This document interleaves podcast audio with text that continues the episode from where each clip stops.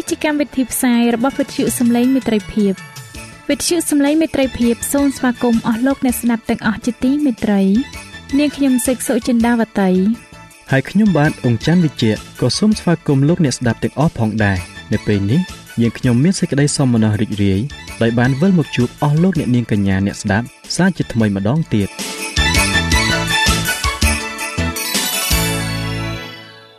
ចា៎លោកអ្នកស្ដាប់ជាទីមេត្រី នាងខ្ញុំសូមគោរពអញ្ជើញអស់លោកលោកស្រីអ្នកនាងកញ្ញាតាមដានស្ដាប់កម្មវិធីផ្សាយរបស់វិទ្យុយើងខ្ញុំដូចតទៅ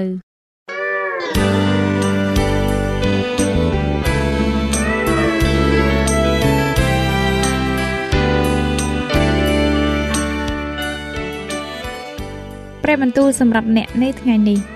ព្រះគម្ពីរកាឡាទី ចំពុក6ខ9ដល់ខ10បានចែងថា កុំឲ្យយើងណាយចិត្តនឹងធ្វើការងារល្អឡើយត្បិតបើមិនរសាយចិត្តទេ នោះដល់កំណត់យើងនឹងច្រូតបានហើយដូច្នេះកាលណាយើងមានឱកាស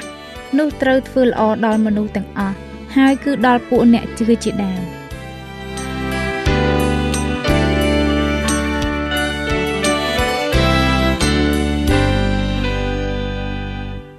បាទខ្ញុំបាទសូមគោរពនឹងជម្រាបសួរអស់លោកអ្នកទាំងអស់គ្នាជាទីមេត្រី សូមស្វាគមន៍អស់លោកអ្នកជាថ្មីម្ដងទៀតមកកាន់នីតិសបាស្គូលប្រចាំសប្ដាហ៍មេរៀនសម្រាប់សប្ដាហ៍នេះ មានចំណងជើងថា ព្រះយេស៊ូវជាបងប្អូនដ៏ស្មោះត្រង់របស់យើងរាល់គ្នាប្រសិនបើលោកអ្នកចង់បានមេរៀននេះប្រើប្រាស់នៅលើទូរស័ព្ទដៃ Android លោកអ្នកអាចទាញយកបាន តាមរយៈ Play Store ដោយគ្រាន់តែវាយពាក្យថាខ្មែរសបាស្គូលមេរៀននៅសប្តាហ៍នេះ យើងនឹងក្រឡេកមើលនៅចំណុចនិងសំណួរមួយចំនួនដូចតទៅកាន់ព្រះគម្ពីរហេព្រើរបានបង្ហាញប្រាប់យើងថាព្រះយេស៊ូវបានក្លាយមកជាបងប្អូនរបស់យើង ដើម្បីសង្គ្រោះយើងរាល់គ្នាតើសេចក្តីពិតនៃព្រះគម្ពីរនេះ បង្ហាញយើងថា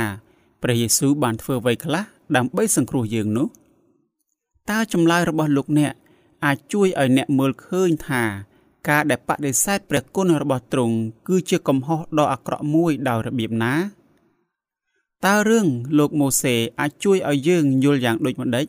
អំពីអ្វីដែលព្រះយេស៊ូវបានធ្វើនិងបន្តធ្វើសម្រាប់យើងនៅពេលឥឡូវនេះអស់លោកអ្នកទាំងអស់គ្នាជាទីមេត្រី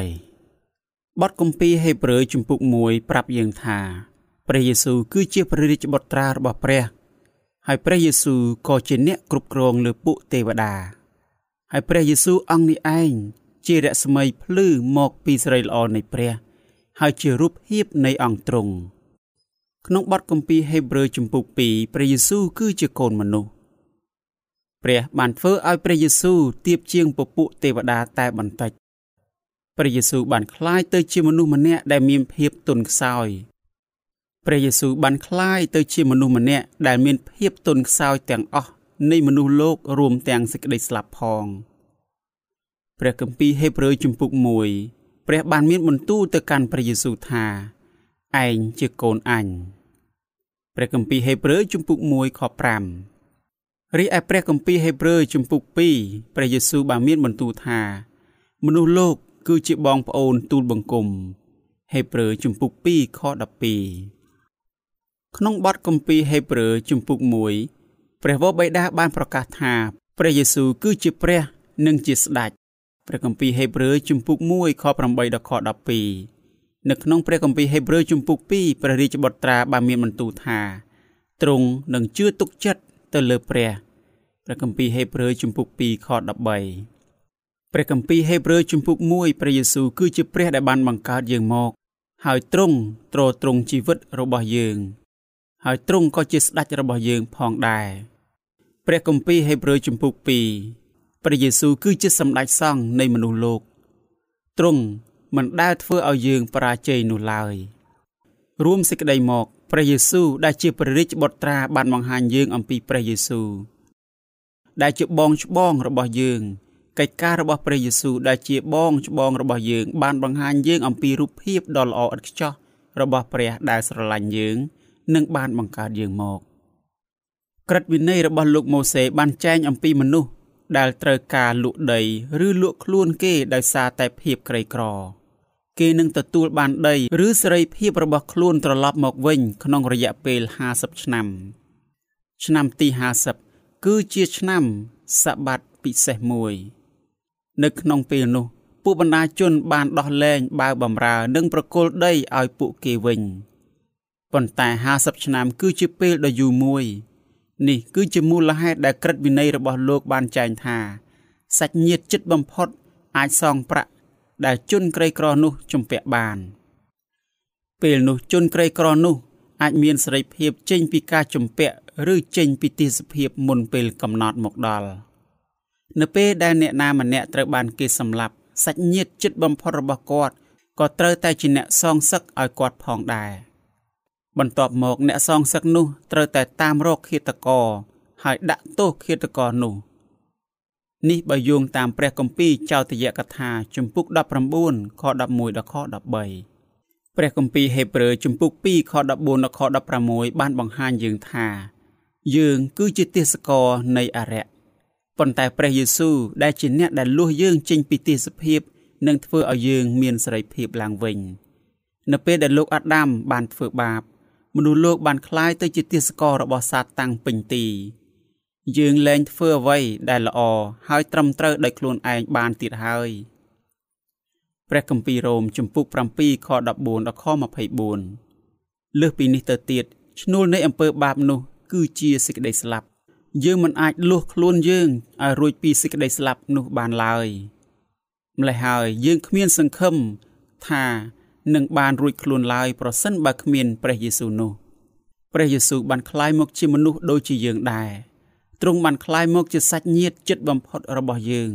ដើម្បីសង្គ្រោះយើងឲ្យរួចពីបាបព្រះយេស៊ូវមិនបានខ្មាស់អៀនក្នុងការមានបន្ទូលថា យើងជាបងប្អូនរបស់ទ្រង់នោះឡើយព្រះគម្ពីរហេព្រើរជំពូក2ខ11នេះគឺជាគោលគំនិតដ៏គួរឲ្យចាប់អារម្មណ៍មួយគឺថា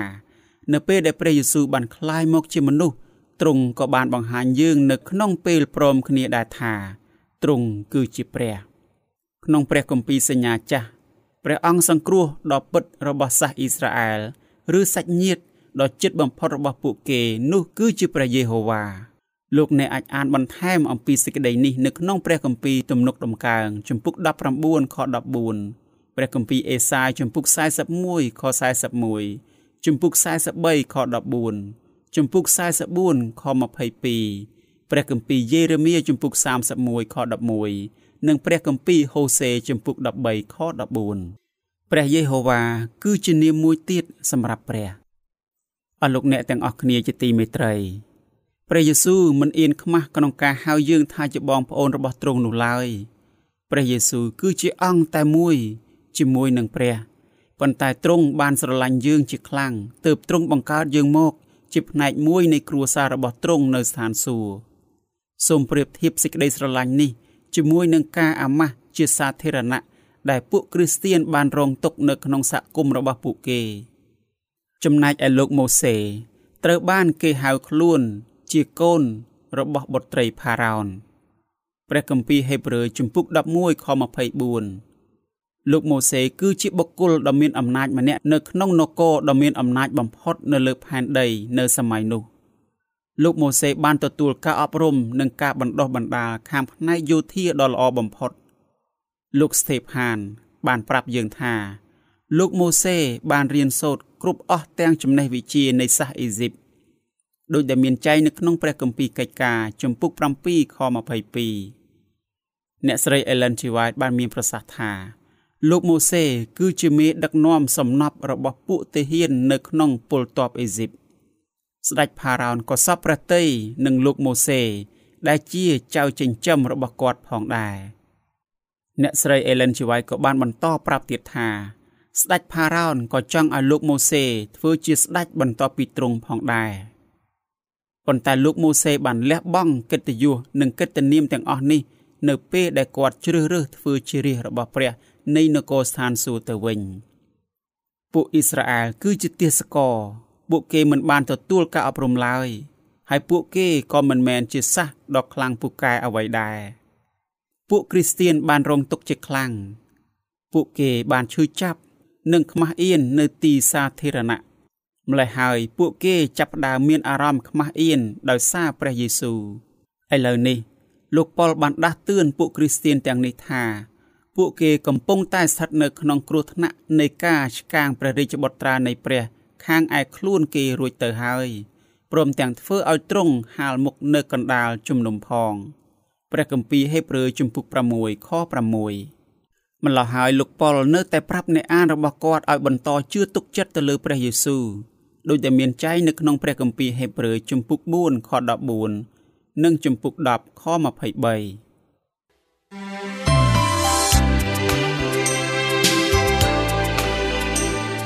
សេចក្តីជំនឿកើតឡើងដោយលឺហើយដែលលឺនោះគឺដោយសារព្រះបន្ទូលនៃព្រះ តាមរយៈវិទ្យុសំឡេងមិត្តភាព AWR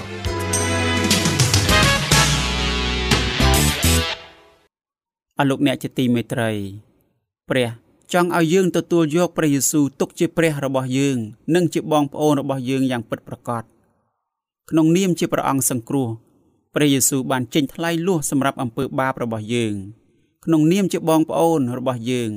ព្រះយេស៊ូវបានបង្ហាញយើងអំពីរបៀបដែលយើងគួរតែរស់នៅប្រចាំថ្ងៃព្រះនឹងធ្វើឲ្យយើងបានត្រឡប់ដូចជារូបអង្គនៃព្រះរាជបុត្រាទ្រង់ដើម្បីឲ្យព្រះរាជបុត្រាបានធ្វើជាបងច្បងគេក្នុងពួកបងប្អូនជាច្រើនព្រះគម្ពីររ៉ូមជំពូក8ខ29អស់លោកអ្នកជាទីមេត្រីព្រះគម្ពីរហេព្រើរបានចែងថាព្រះយេស៊ូវបានក្លាយមកជាមនុស្ស ក្នុងភាពជាមនុស្សព្រះយេស៊ូវអាចជួយដល់យើងនិងសុគតជំនួសយើងបានដោយដែលមានចែងនៅក្នុងព្រះគម្ពីរហេព្រើរជំពូក2ខ9ខ14ដល់ខ16និងជំពូក10ខ5ដល់ខ10សេចក្តីពិតនៃព្រះគម្ពីរនេះគឺជាផ្នែកមួយដ៏សំខាន់បំផុតនៃផែនការដែលព្រះបានបង្កើតឡើងដើម្បីសង្គ្រោះយើងរាល់គ្នា សេចក្តីពិតនៃព្រះគម្ពីរនេះក៏បានផ្ដល់ឲ្យយើងនូវសេចក្តីសង្ឃឹមតែមួយគត់សម្រាប់ជីវិតអស់កលរូបកាយដោយដែលមានចែងនៅក្នុងព្រះគម្ពីរអេពីសូតជំពូក6ខ12គឺជារូបស័ព្ទតំណាងឲ្យបាបជន និងភាពទន់ខ្សោយរបស់ពួកគេ ក្នុងភាពជាបាបជន យើងមិនបានយល់រឿងខាងឯវិញ្ញាណតាមដែលយើងគួរតែយល់នោះទេ យើងក៏ស្លាប់ដោយសារតែអំពើបាបផង ដោយដែលមានចែងនៅក្នុងព្រះគម្ពីរកូរិនថូសខ្សែទី1ជំពូក15ខ50គម្ពីរហេព្រើរបានចែងថាព្រះយេស៊ូវក៏ត្រូវបានបង្កើតឡើងដូចជាបងប្អូនរបស់ទ្រង់គ្រប់ជំពូកដែរហេព្រើរជំពូក2ខ17ពាក្យទាំងនេះបង្ហាញយើងថាព្រះយេស៊ូវបានក្លាយមកជាមនុស្សទាំងស្រុងព្រះយេស៊ូវមិនមែនមើលទៅដូចជាមនុស្សនោះទេទ្រង់គឺជាមនុស្សយ៉ាងពិតប្រាកដដូចជាយើងរាល់គ្នាដែរ ប៉ុន្តែព្រះគម្ពីរហេព្រើរក៏បានចែងដែរថាព្រះយេស៊ូវមានលក្ខណៈខុសពីយើង គឺថាព្រះយេស៊ូវមិនបានធ្វើបាបតលតែសោះព្រះគម្ពីរហេព្រើរជំពូក4ខ15ព្រះយេស៊ូវទ្រង់បរិសុទ្ធឥតពុតមាយាឥតសៅមងឡើយព្រះគម្ពីរហេព្រើរជំពូក7ខ26ក្នុងភាពជាបាបជនចិត្តរបស់យើងអាក្រក់ជាទីបំផុត យើងបានកើតមកជាទាសករនៃអំពើបាប លោកប៉ុលបានមានប្រសាសន៍ថាក្រឹតវិន័យត្រូវខាងវិញ្ញាណតែខ្ញុំនៅខាងសាច់ឈាមវិញ ដោយបានត្រូវលក់ទៅក្នុងអំណាចរបស់បាបព្រះគម្ពីររ៉ូមជំពូក7ខ14និងជំពូក7ខ15ដល់ខ20ព្រះយេស៊ូវបានយាងមកក្នុងនាមជាព្រះអង្គសង្គ្រោះរបស់យើងព្រះយេស៊ូវបានថ្វាយអង្គទ្រង់ដល់ព្រះជំនួសអំពើបាបរបស់យើងទ្រង់បរិសុទ្ធឥតពុតមេយា ឥតសៅមងអស់លោកអ្នកជាទីមេត្រីឥឡូវនេះ ព្រះអាចអត់ឱនទោសឲ្យយើងនិងអាចទទួលយកយើងបានពីព្រោះព្រះយេស៊ូវបានរស់នៅក្នុងជីវិតដ៏ស្ដាប់បង្គាប់មួយ ថែមទាំងបានថ្វាយអង្គទ្រង់ជំនួសអំពើបាបរបស់យើងថែមទៀតព្រះយេស៊ូវក៏បានរក្សាសេចក្តីសន្យានៅក្នុងសេចក្តីសញ្ញាថ្មីផងដែរទ្រង់បានចារបញ្ញត្តិរបស់ទ្រង់នៅក្នុងចិត្តរបស់យើងគ្រប់គ្នា ដោយដែលមានចែងនៅក្នុងព្រះគម្ពីរហេព្រើរជំពូក8ខ10ទ្រង់បានប្រទានកម្លាំងដល់យើងឲ្យរស់នៅក្នុងជីវិតដ៏បរិសុទ្ធព្រះយេស៊ូវក៏បានបំបាក់ខ្មាំងសត្រូវរបស់យើងដែរទ្រង់បានរំដោះយើងចេញពីអំពើបាបហើយទ្រង់បានប្រទានដល់យើងនូវអំណាចឈ្នះលើអំពើបាបនៅក្នុងជីវិតរបស់យើងប្រចាំថ្ងៃឥឡូវនេះ យើងអាចបម្រើព្រះដ៏មានប្រជញ្ញរស់បានហើយ ដោយដែលមានចែងនៅក្នុងព្រះគម្ពីរហេព្រើរជំពូក9ខ14មែនហើយអស់លោកអ្នកជាទីមេត្រីព្រះយេស៊ូវបានយកឈ្នះអរិយនិងអំពើបាបប៉ុន្តែយើងត្រូវតែរងចាំពេលវេលាមួយ មុនពេលដែលសាតាំងត្រូវបានបំផ្លាញជាមុនសិនសាតាំងនឹងត្រូវបំផ្លាញជារៀងរហូត នៅពេលដែលព្រះបញ្ចប់កិច្ចការចុងក្រោយរបស់ទ្រង់ជាចៅក្រមដោយដែលមានចែងនៅក្នុងព្រះគម្ពីរវិវរណៈជំពូក20ខ1ដល់ខ3និងខ10 លោកប៉ុលបានមានប្រសាសន៍ថា បានធ្វើឲ្យមេនៃសេចក្តីសង្គ្រោះគេ បានគ្រប់លក្ខដោយរងទុក្ខលំបាកព្រះគម្ពីរហេព្រើរជំពូក2ខ10ខនេះគួរឲ្យភ្ញាក់ផ្អើលជាទីបំផុតអស់លោកអ្នកទាំងអស់គ្នាលោកប៉ុលក៏បានប្រាប់យើងថាព្រះយេស៊ូវភ្លឺមកពីស្រីល្អនៃព្រះ ហើយជារូបភាពនៃអង្គទ្រង់ផងដែរព្រះគម្ពីរហេព្រើរជំពូក1ខ3 លោកប៉ុលក៏បានប្រាប់យើងទៀតថាព្រះយេស៊ូវឥតធ្វើបាបឡើយព្រះគម្ពីរហេព្រើរជំពូក4ខ15ព្រះយេស៊ូវទ្រង់បរិសុទ្ធឥតពុតមេយាឥតសៅមងព្រះយេស៊ូវទ្រង់បានថ្វាយអង្គទ្រង់ឥតសៅមងដល់ព្រះដូច្នេះបើព្រះយេស៊ូវមិនបានធ្វើបាបទេហេតុអ្វីបានជាទ្រង់ត្រូវតែបានបង្កើតឲ្យល្អឥតខ្ចោះតាមរយៈការឈឺចាប់នោះអរលោកអ្នកស្ដាប់ជាទីមេត្រី ព្រះគម្ពីរបានបង្ហាញប្រាប់យើងនៅចម្លើយយ៉ាងដូចនេះថាទោះបើទ្រង់ជាព្រះរាជបុត្រាក៏ដោយគង់តែទ្រង់បានរៀនស្ដាប់បង្គាប់ដោយសារការដែលទ្រង់រងទុក្ខលំបាកទាំងប៉ុន្មាននោះដែររួចកាលទ្រង់បានគ្រប់លក្ខហើយនោះទ្រង់បានត្រឡប់ជាមេបង្កើតនៃសេចក្តីសង្គ្រោះដល់នៅអស់កលជានិច្ចដល់អស់អ្នកណាដែលស្ដាប់បង្គាប់ទ្រង់ព្រះគម្ពីរហេព្រើរជំពូក5ខ8និងខ9ដូច្នេះ ការឈឺចាប់បានធ្វើឲ្យព្រះស័កសមនឹងសង្គ្រោះយើងណាស់ចូលយើងក្រឡេកមើលវិធី3យ៉ាង ដែលការឈឺចាប់បានធ្វើឲ្យព្រះយេស៊ូវស័កសមនឹងធ្វើជាព្រះអង្គសង្គ្រោះនិងធ្វើជាសម្ដេចសង្ឃរបស់យើងយ៉ាងពិតប្រាកដទី1ព្រះបានធ្វើឲ្យមេនៃសេចក្តីសង្គ្រោះគេបានគ្រប់លក្ខដោយរងទុក្ខលំបាកដូចដែលមានចែងនៅក្នុងព្រះគម្ពីរហេព្រើរជំពូក2ខ10ការសគត់របស់ព្រះយេស៊ូវបានអនុញ្ញាតឲ្យព្រះសង្គ្រោះយើង និងបង្ហាញសេចក្តីមេត្តាករុណារបស់ទ្រង់ដល់យើង។ព្រះយេស៊ូវគឺជាបុគ្គលតែមួយគត់ដែលអាចធ្វើឲ្យសេចក្តីមេត្តានេះកើតមានឡើង ក្នុងនាមជាព្រះព្រះយេស៊ូវអាចជំនុំជម្រះយើងបាន ក្នុងនាមជាដង្វាយលុះបាបរបស់យើងព្រះយេស៊ូវក៏អាចសង្គ្រោះយើងបានដែរចំណុចទី2ការជឿចាប់បានបង្រៀនព្រះយេស៊ូវអំពីរបៀបស្ដាប់បង្គាប់តើហេតុអ្វីបានជាព្រះយេស៊ូវចាំបាច់ត្រូវរៀនស្ដាប់បង្គាប់ទី1 ការស្ដាប់បង្គាប់របស់ព្រះយេស៊ូវអាចធ្វើឲ្យព្រះទទួលយកការសគត់របស់ទ្រង់ជំនួសអំពើបាបរបស់យើងបាន ទី2ការឈឺចាប់របស់ព្រះយេស៊ូវបានជួយឲ្យទ្រង់คลายមកជាគំរូរបស់យើងដូច្នេះព្រះយេស៊ូវបានរៀនស្ដាប់បង្គាប់ដោយសារតែការស្ដាប់បង្គាប់គឺជាបទពិសោធន៍ថ្មីមួយសម្រាប់ទ្រង់ក្នុងនាមជាព្រះតើព្រះយេស៊ូវត្រូវស្ដាប់បង្គាប់អ្នកណាម្នាក់ឬទេ គឺមនុស្សគ្រប់គ្នាទេតើ ដែលគួរតែស្ដាប់បង្គាប់ដល់ព្រះយេស៊ូវដែលជាស្ដេចនៃស្ថានសួគ៌និងជាព្រះរាជបុត្រានៃព្រះដ៏នៅអកលជានិច្ចនោះប៉ុន្តែដើម្បីសង្គ្រោះយើងព្រះរាជបុត្រានៃព្រះដ៏មានអំណាចបានคลายមកជាកូនមនុស្សដែលស្ដាប់បង្គាប់ចំណុចទី3ដែលជាចំណុចចុងក្រោយ ការជឿចាប់របស់ព្រះយេស៊ូវបានបង្ហាញយើងថាទ្រង់គឺជាសម្ដេចសង្ឃដែលយើងអាចជឿទុកចិត្តបាន។ ដោយដែលមានចែងនៅក្នុងព្រះគម្ពីរហេព្រើរជំពូក2ខ17និងខ18ទ្រង់ពោពេញដោយសេចក្តីមេត្តាករុណា ការឈឺចាប់មិនបានធ្វើឲ្យព្រះយេស៊ូវមានសេចក្តីមេត្តាបន្ថែមទៀតសម្រាប់យើងនោះទេសេចក្តីមេត្តាមាននៅក្នុងព្រះទ័យរបស់ទ្រង់ស្រាប់ហើយ ដែលជំរុញឲ្យព្រះយេស៊ូវស្ម័គ្រព្រះទ័យសគត់ជំនួសយើងការឈឺចាប់របស់ព្រះយេស៊ូវបានបង្ហាញយើងអំពីសេចក្តីស្រឡាញ់របស់ទ្រង់ ក្នុងនាមជាបងប្អូនម្នាក់របស់យើង ដែលជាមនុស្សមានបាបអស់លោកអ្នកស្ដាប់ជាទីមេត្រីមូលហេតុមួយទៀតដែលព្រះយេស៊ូវបានក្លាយមកជាមនុស្សនិងរស់នៅដូចជាមនុស្សនោះគឺដើម្បីធ្វើជាគំរូដល់យើងនេះឯងព្រះយេស៊ូវគឺជាបុគ្គលតែមួយគត់ដែលអាចបង្ហាញយើងនៅរបៀបក្នុងការរស់នៅដ៏ត្រឹមត្រូវមួយព្រះយេស៊ូវគឺជានាមចុងក្រោយនៅក្នុងបញ្ជីឈ្មោះនៃមនុស្ស ដែលបង្ហាញសេចក្តីជំនឿដល់យើងលោកប៉ុលបានមានប្រសាសន៍ថាព្រះយេស៊ូវគឺជាមេផ្ដើម ហើយជាមេសម្រេចសេចក្តីជំនឿរបស់យើងព្រះគម្ពីរហេព្រើរជំពូក12ខ2ពាក្យថាមេប្រែមកពីពាក្យ archegos ជាភាសាក្រិកពាក្យថា Archegos នេះក៏អាចសរសេរបានថាជាអ្នកត្រួសត្រាយផ្លូវ ព្រះយេស៊ូវគឺជាអ្នកត្រួសត្រាយផ្លូវនៃការប្រណាំងដែលយើងត្រូវតែរត់ក្នុងនាមជាគ្រីស្ទៀនព្រះយេស៊ូវបានរត់ទៅមុនយើងដើម្បីបង្ហាញផ្លូវដល់យើង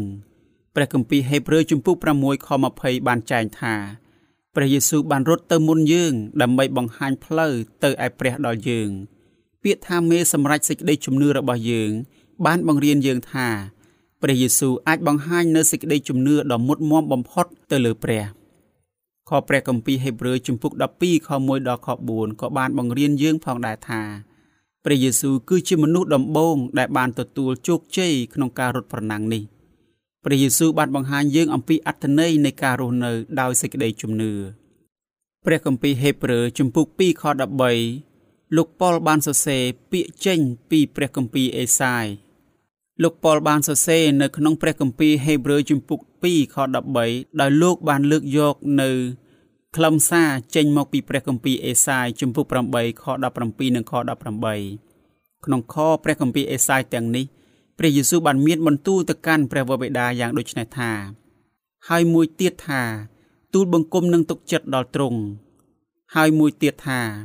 មើលទូលបង្គំនេះ គឺជាពួកកូនចៅដែលព្រះបានប្រទានមកទូលបង្គំព្រះគម្ពីរហេព្រើរជំពូក12ខ13លោកអ្នកក៏អាចអានបន្ថែមនៅអ្វីដែលលោកសាវកប៉ុលបានលើកឡើងនេះនៅក្នុងព្រះគម្ពីរអេសាយជំពូក8ខ17ដល់ខ18ផងដែរ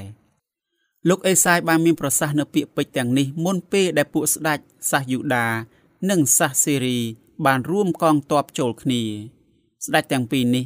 បានរៀបចំផែនការចូលលុកលុយនគរយូដា ដែលមានចែងនៅក្នុងព្រះគម្ពីរអេសាយជំពូក7ខ1និងខ2នៅពេលនោះលោកអេសាយបានបង្ហាញសេចក្តីជំនឿទៅលើព្រះប៉ុន្តែស្ដេចអហាសមិនបានបង្ហាញសេចក្តីជំនឿទៅលើព្រះនោះឡើយព្រះបានសន្យាការពារស្ដេចអហាសដូចជាបុត្រារបស់ទ្រង់ដូច្នោះដែរព្រះបានដាស់តឿនស្ដេចអហាសឲ្យទូលសូមនៅទីសម្គាល់មួយ ដើម្បីបង្ហាញស្ដេចអង្គនេះថា ព្រះនឹងរក្សាសេចក្តីសន្យារបស់ទ្រង់ប៉ុន្តែស្ដេចដ៏រឹងជជែកអង្គនេះ បានចាត់អ្នកនាំសារទៅឯទីកាឡាតពីលេសឺជាស្ដេចស្រុកអាសឺវិញ ដោយទូលដល់ស្ដេចនៅស្រុកនោះថា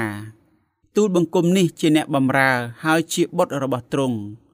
ដោយដែលមានចែងនៅក្នុងព្រះគម្ពីរពងសាវតារក្សត្រខ្សែទី2ជំពូក16ខ7ពិតជាគួរឲ្យសោកស្ដាយណាស់អស់លោកអ្នកទាំងអស់គ្នាជាទីមេត្រី ស្ដេចអរហាសប្រាថ្នាចង់ធ្វើជាបុត្រានៃខ្មាំងសត្រូវរបស់ទ្រង់តែមិនបានប្រាថ្នាចង់ធ្វើជាបុត្រារបស់ព្រះនៃនគរឋានសួគ៌ដ៏ខ្ពស់នោះទេរីឯព្រះយេស៊ូវទ្រង់ខុសគ្នាពីស្ដេចអរហាសព្រះយេស៊ូវបានដាក់ជំនឿរបស់ទ្រង់ទៅលើព្រះ និងទៅលើសេចក្តីសន្យារបស់ព្រះជាម្ចាស់វិញ ព្រះបានសន្យានឹងព្រះយេស៊ូវថា ទ្រង់នឹងឲ្យខ្មាំងសត្រូវរបស់ទ្រង់ស្ថិតនៅក្រោមការគ្រប់គ្រងរបស់ទ្រង់ព្រះក៏បានតាំងសេចក្តីសន្យាដដែលនេះជាមួយនឹងយើងផងដែរយើងក៏ត្រូវតែជឿទុកចិត្តទៅលើព្រះដូចជាព្រះយេស៊ូវបានជឿទុកចិត្តទៅលើទ្រង់ផងដែរអស់លោកអ្នកទាំងអស់គ្នាព្រះគម្ពីរហេព្រើរជំពូក2ខ13បានបង្ហាញយើងអំពីព្រះបន្ទូលរបស់ព្រះយេស៊ូវព្រះយេស៊ូវមានបន្ទូលទៅកាន់ព្រះវរបិតារបស់ទ្រង់អំពីបងប្អូនប្រុសស្រីរបស់ទ្រង់យ៉ាងដូចនេះថា មើលទូលបង្គំនេះនិងពួកកូនចៅ ដែលព្រះបានប្រទានមកទូលបង្គំដោយដែលមានចែងនៅក្នុងព្រះគម្ពីរហេព្រើរជំពូក2ខ13មកស្រាប់តាមរយៈសិភៅព្រះនៃសេចក្តីស្រឡាញ់អ្នកស្រី Ellen G. White បានលើកឡើងថាក្នុងព្រះជន្មនិងមេរៀនរបស់ទ្រង់ព្រះយេស៊ូវផ្ដល់នូវគំរូដ៏ល្អឥតខ្ចោះមួយដល់យើងទ្រង់បានបង្ហាញយើងអំពីរបៀបធ្វើកិច្ចការសម្រាប់ព្រះ និងមិនអាត្មានិយមឡើយ ព្រះមិនបានរស់សម្រាប់អង្គទ្រង់នោះទេព្រះយេស៊ូវបានបង្កើតផែនដី និងទ្រទ្រង់អ្វីអ្វីគ្រប់យ៉ាងរឿងទាំងនេះបង្ហាញយើងថាព្រះយេស៊ូវតែងតែធ្វើកិច្ចការជានិច្ចដើម្បីជួយដល់មនុស្សដែលទ្រង់បានបង្កើតមកទ្រង់ធ្វើឲ្យថ្ងៃរបស់ទ្រង់រះឡើង បំភ្លឺទាំងមនុស្សអាក្រក់និងមនុស្សល្អហើយទ្រង់បង្អុលឲ្យភ្លៀងធ្លាក់មក លើទាំងមនុស្សសុចរិត និងមនុស្សទុច្ចរិតផង ព្រះគម្ពីរម៉ាថាយជំពូក5ខ45ព្រះបានប្រទានកិច្ចការនៃការទ្រទ្រង់ជីវិតនេះដល់ព្រះរាជបុត្រារបស់ទ្រង់ព្រះក៏បានធ្វើឲ្យព្រះយេស៊ូវក្លាយមកជាមេដឹកនាំរបស់យើងផងដែរព្រះយេស៊ូវបានបង្ហាញយើងអំពីរបៀបកុំឲ្យយើងអាត្មានិយមតាមរយៈចំណុចទាំងនេះគំរូដ៏ល្អឥតខ្ចោះរបស់ព្រះបានបង្រៀនយើងអំពីរបៀបដែលយើងគួរតែបម្រើព្រះ និងបម្រើអ្នកដទៃអស់លោកអ្នកទាំងអស់គ្នាជាទីមេត្រី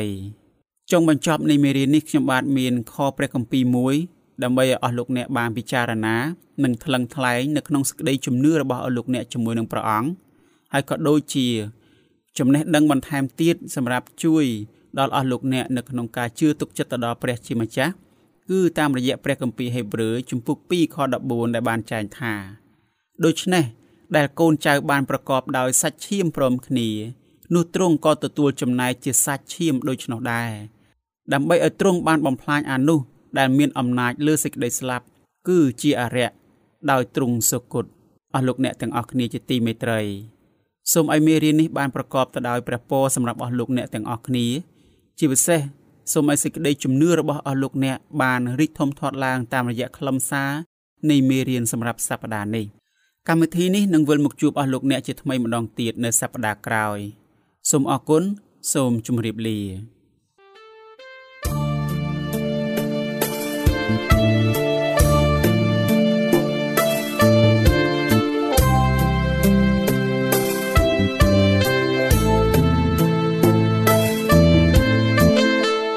បើសិនជាលោកអ្នកមានសំណួរឬសំណុំពរអ្វីសូមតាក់ទងមកការិយាល័យវិទ្យុយើងខ្ញុំ តាមអាស័យដ្ឋានផ្ទះលេខ15ផ្លូវលេខ568សង្កាត់បឹងកក់2ខណ្ឌទួលគោករាជធានីភ្នំពេញលោកអ្នកក៏អាចសរសេរសម្បត្តិផ្ញើមកយើងខ្ញុំតាមរយៈប្រអប់សម្បត្តិលេខ488ភ្នំពេញឬតាមទូរស័ព្ទលេខ012 34 96 64ឬ097 80 81 060ឬក៏តាមរយៈអ៊ីមែល vol@awr.org យើងខ្ញុំរងចាំទទួលស្វាគមន៍អស់លោកអ្នកនាងដោយក្តីសោមនស្សរីករាយហើយលោកអ្នកក៏អាចស្ដាប់កម្មវិធីនេះឡើងវិញដោយចូលទៅកាន់ website របស់វិទ្យុយើងខ្ញុំតាមរយៈអាស័យដ្ឋាន www.awr.org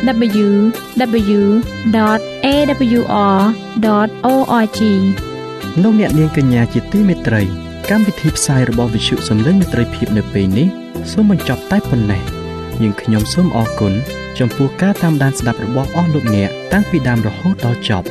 យើងខ្ញុំសូមជូនពរឲ្យអស់លោកអ្នកនាងកញ្ញាទាំងអស់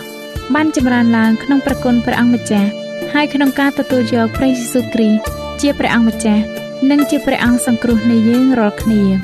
នេតិផ្សាយរបស់វិទ្យុយើងខ្ញុំនឹងវិលមកជួបអស់លោកអ្នកសាជាថ្មីម្ដងទៀតនៅថ្ងៃស្អែកវេលាម៉ោងដដែលនាងខ្ញុំសេកសុចិន្តាវតីនិងខ្ញុំបាទអ៊ំច័ន្ទវិជ្ជៈសូមអរគុណសូមជម្រាបលា